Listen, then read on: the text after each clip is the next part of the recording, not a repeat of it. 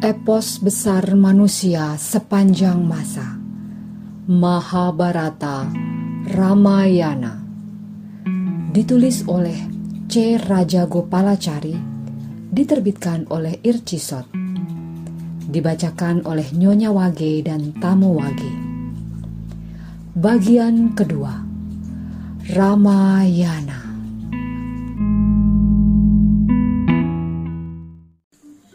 Bab 38 Kesedihan hati Rama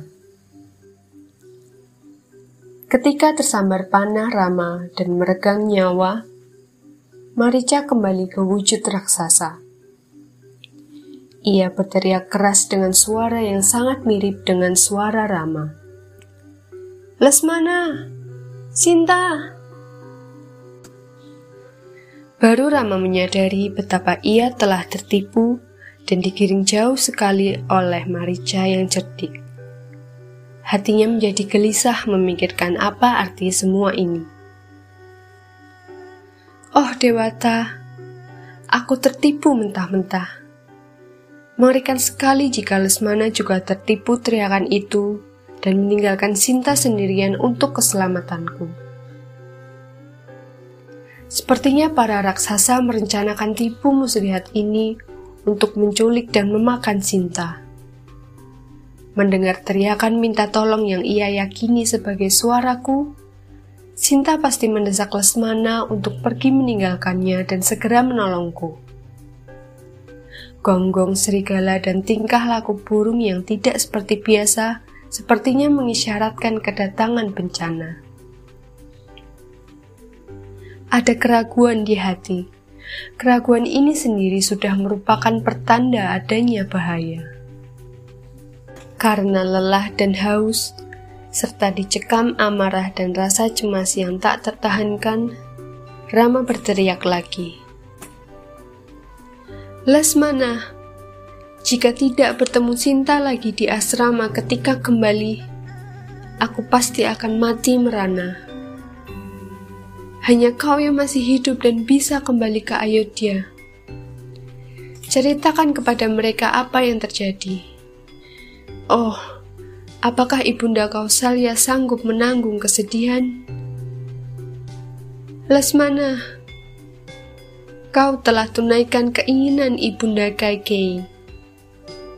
Sekarang, para raksasa pasti sedang mendatangi asrama dan Sinta. Oh cinta yang malang, kebencian mereka yang bertumpuk-tumpuk ditumpahkan kepadamu. Sekarang, mereka pasti telah membunuh dan memakan Sinta. Oh Lasmana, mengapa kau bisa tertipu jeritan Marica? Apa yang harus kulakukan sekarang? Aku tidak akan bertemu Sinta lagi Tipu muslihat para raksasa berhasil menipu kami.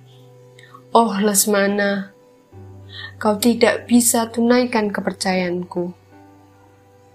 Mengapa kau tinggalkan ia sendirian dan pergi mencariku?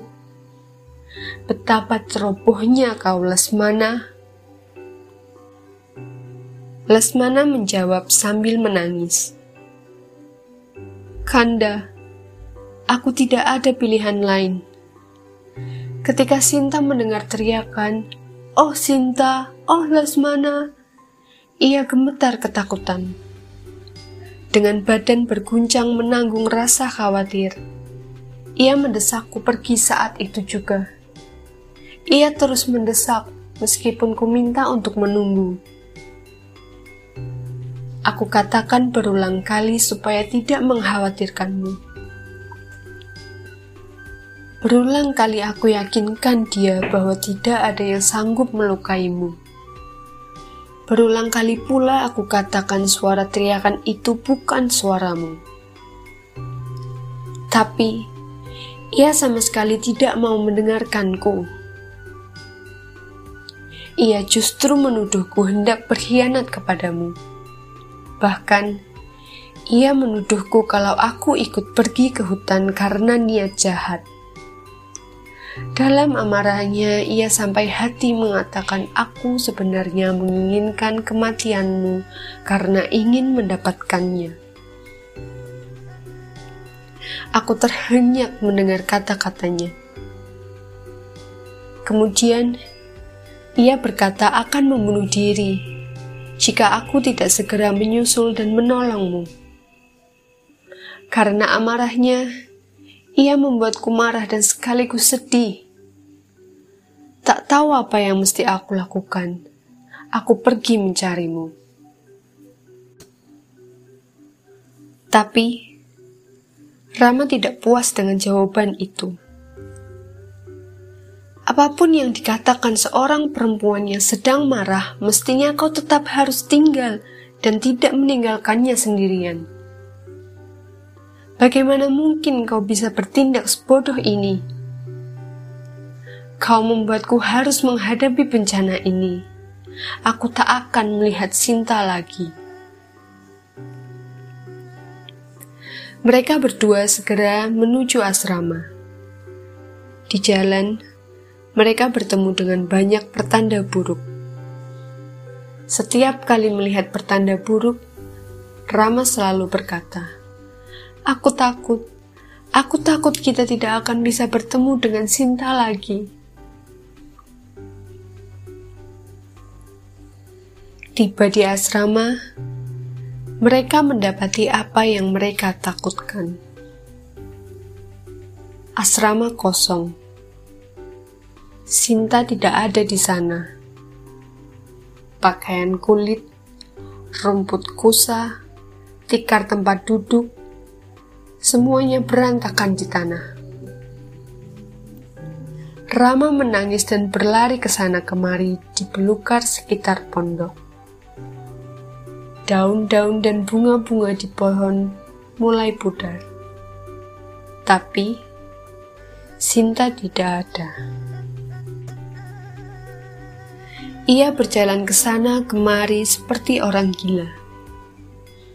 Matanya menatap merah teriaknya. Oh Dewata, apakah mereka sudah menelannya habis? Oh, ia pasti gemetar ketakutan. Aku tidak sanggup membayangkannya. Mungkinkah ia pergi ke sungai mengambil air?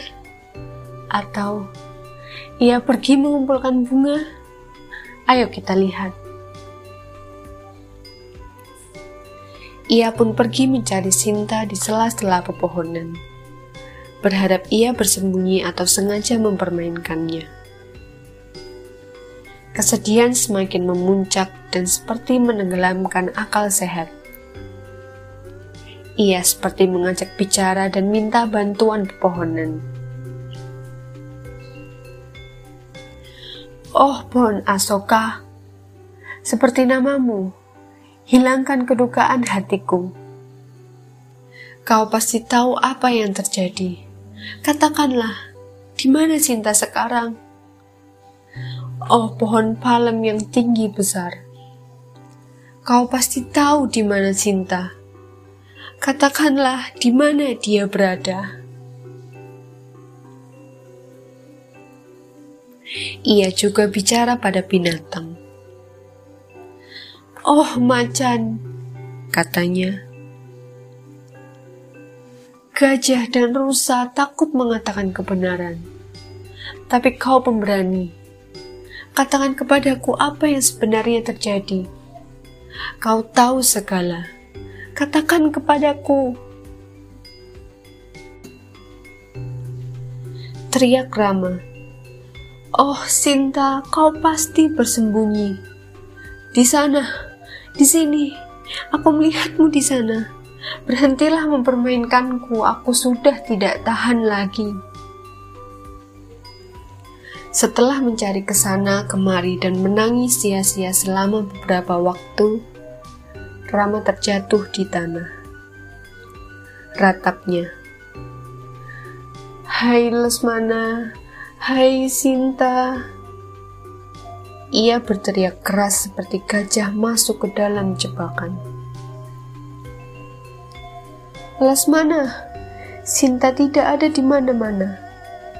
Para raksasa telah menangkap, mencapik-capik dan memakannya. Aku tidak sanggup lagi hidup. Ajalku sudah dekat. Tapi, jika ayah anda melihatku di dunia setelah kematian, ia pasti akan berkata, Bagaimana kau bisa sampai di sini, nak? Bukankah sumpah janjiku belum tunai? Aku telah gagal. Dalam segalanya aku telah gagal. Lesmana tidak tahan lagi melihat kesedihan kakaknya. Kanda, tidak sepantasnya kau menangis seperti ini. Ayo, kita cari ke seluruh penjuru hutan. Kau tahu Sinta sangat suka menelusuri gua-gua dan semak belukar. Mungkin ia mandi di sungai, bermain di suatu tempat, atau mengumpulkan bunga. Ayo, kita cari lagi. Ia hanya ingin mengerjai kita Ayo kita cari dia lagi. Jangan menangis. Mereka berdua mencari di setiap sudut bukit, kolam, dan pinggir sungai. Tapi Sinta tidak ada. Sinta tidak ada di mana-mana, Lesmana, kata Rama. Apa yang harus aku lakukan sekarang? Lasmana berusaha membesarkan hati kakaknya dengan kata-kata harapan. Tapi sia-sia. Tidak, tidak adikku, tidak ada harapan lagi, katanya. Sinta tidak ada di mana-mana. Ia telah pergi untuk selama-lamanya. Rasanya aku ingin mati saja. Ia jatuh tidak sadarkan diri selama beberapa saat. Kemudian, ia siuman kembali. Ia mulai bicara lagi dan menangis. Apa pun yang dikatakan Lesmana tidak bisa menenangkan Rama. Lesmana, aku tidak sanggup pulang kembali ke Ayodhya. Tangis Rama. Akankah mereka tertawakan jika aku pulang sendirian tanpa Sinta yang kubiarkan terbunuh dan dimangsa raksasa? Setelah membawanya masuk ke hutan dan gagal melindunginya, apa yang bisa aku katakan kepada Janaka? Tidak, kau harus pulang sendiri ke Ayodhya. Pergilah dan rawatlah ibunda-ibunda kita. Sampaikan salamku untuk Barata. Katakan kepadanya permintaan terakhirku adalah supaya ia terus menjadi raja. Semua upaya Lesmana menghibur Rama sia-sia saja. Rama telanjur mempercayai Sinta telah dibawa para raksasa. Ia telanjur percaya kalau Sinta telah dicapik-capik dan dimakan para raksasa. Ia membayangkan secara rinci kengerian derita yang dialami Sinta. Ia menangis pilu. Aku pasti telah melakukan dosa besar. Adakah alasan lain untuk bencana ini? Sinta yang menemani dan percaya aku bisa melindunginya di mangsa raksasa dan aku tidak bisa berbuat apa-apa. Adakah dosa yang lebih berat daripada dosaku? Jangan berkecil hati, kau harus tabah dan kuat. Tekad yang kuat bisa mengalahkan takdir, tapi kau harus mengalahkan kelemahanmu dulu. Ayo, kita cari lebih cermat lagi. Alih-alih menyerah kalah pada kesedihan hati, bersikaplah jantan dan pantang menyerah. Tapi, Rama tidak mempedulikan kata-kata Lesmana. Rama bertindak sebagaimana layaknya manusia biasa, bukan sebagai jelmaan Batara Wisnu.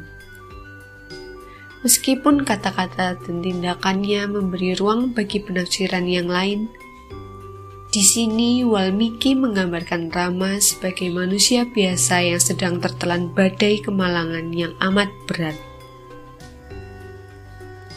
tindak tanduk dan perasaan Rama persis sama seperti orang-orang luhur dan saleh yang kehilangan istri terkasih. orang yang dikasihi lebih daripada hidupnya sendiri. Dan itu terjadi di hutan yang dihuni dengan para raksasa. Kita melihat semua usaha Lesmana menghibur Rama sia-sia saja. Dharma manusia kebanyakan digambarkan dengan kedukaan Rama. Di sini, kita melihat gambaran cinta sejati dan seimbang antara seorang laki-laki dan perempuan saleh dan duka yang melipat-lipat akibat kehilangan. Episode ini juga bisa ditafsirkan secara alegoris. Rasa kehilangan yang dialami Rama ketika kehilangan Sinta merupakan penggambaran benak Tuhan ketika satu jiwa manusia hilang karena dosa. Orang mungkin bertanya apakah Tuhan bisa merasakan rasa kehilangan atau bisa merasakan kegalauan pikiran. Jika orang menyadari bahwa semua aspek kehidupan adalah permainan takdir Tuhan, penjelasan lebih jauh tidak perlu lagi dosa, kebaikan budi, dan sikap bakti adalah bagian dari permainan takdir itu. Setiap kita adalah kecintaan Tuhan. Jika karena alasan tertentu kita terjauhkan dari jalan kebenaran, ia pun akan merasakan rasa kehilangan seperti seorang pecinta kehilangan kekasih.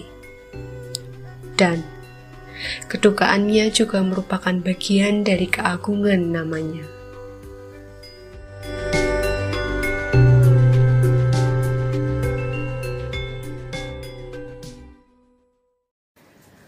Dengarkan kisah selanjutnya di wagi depan dengan tamu wagi yang lain.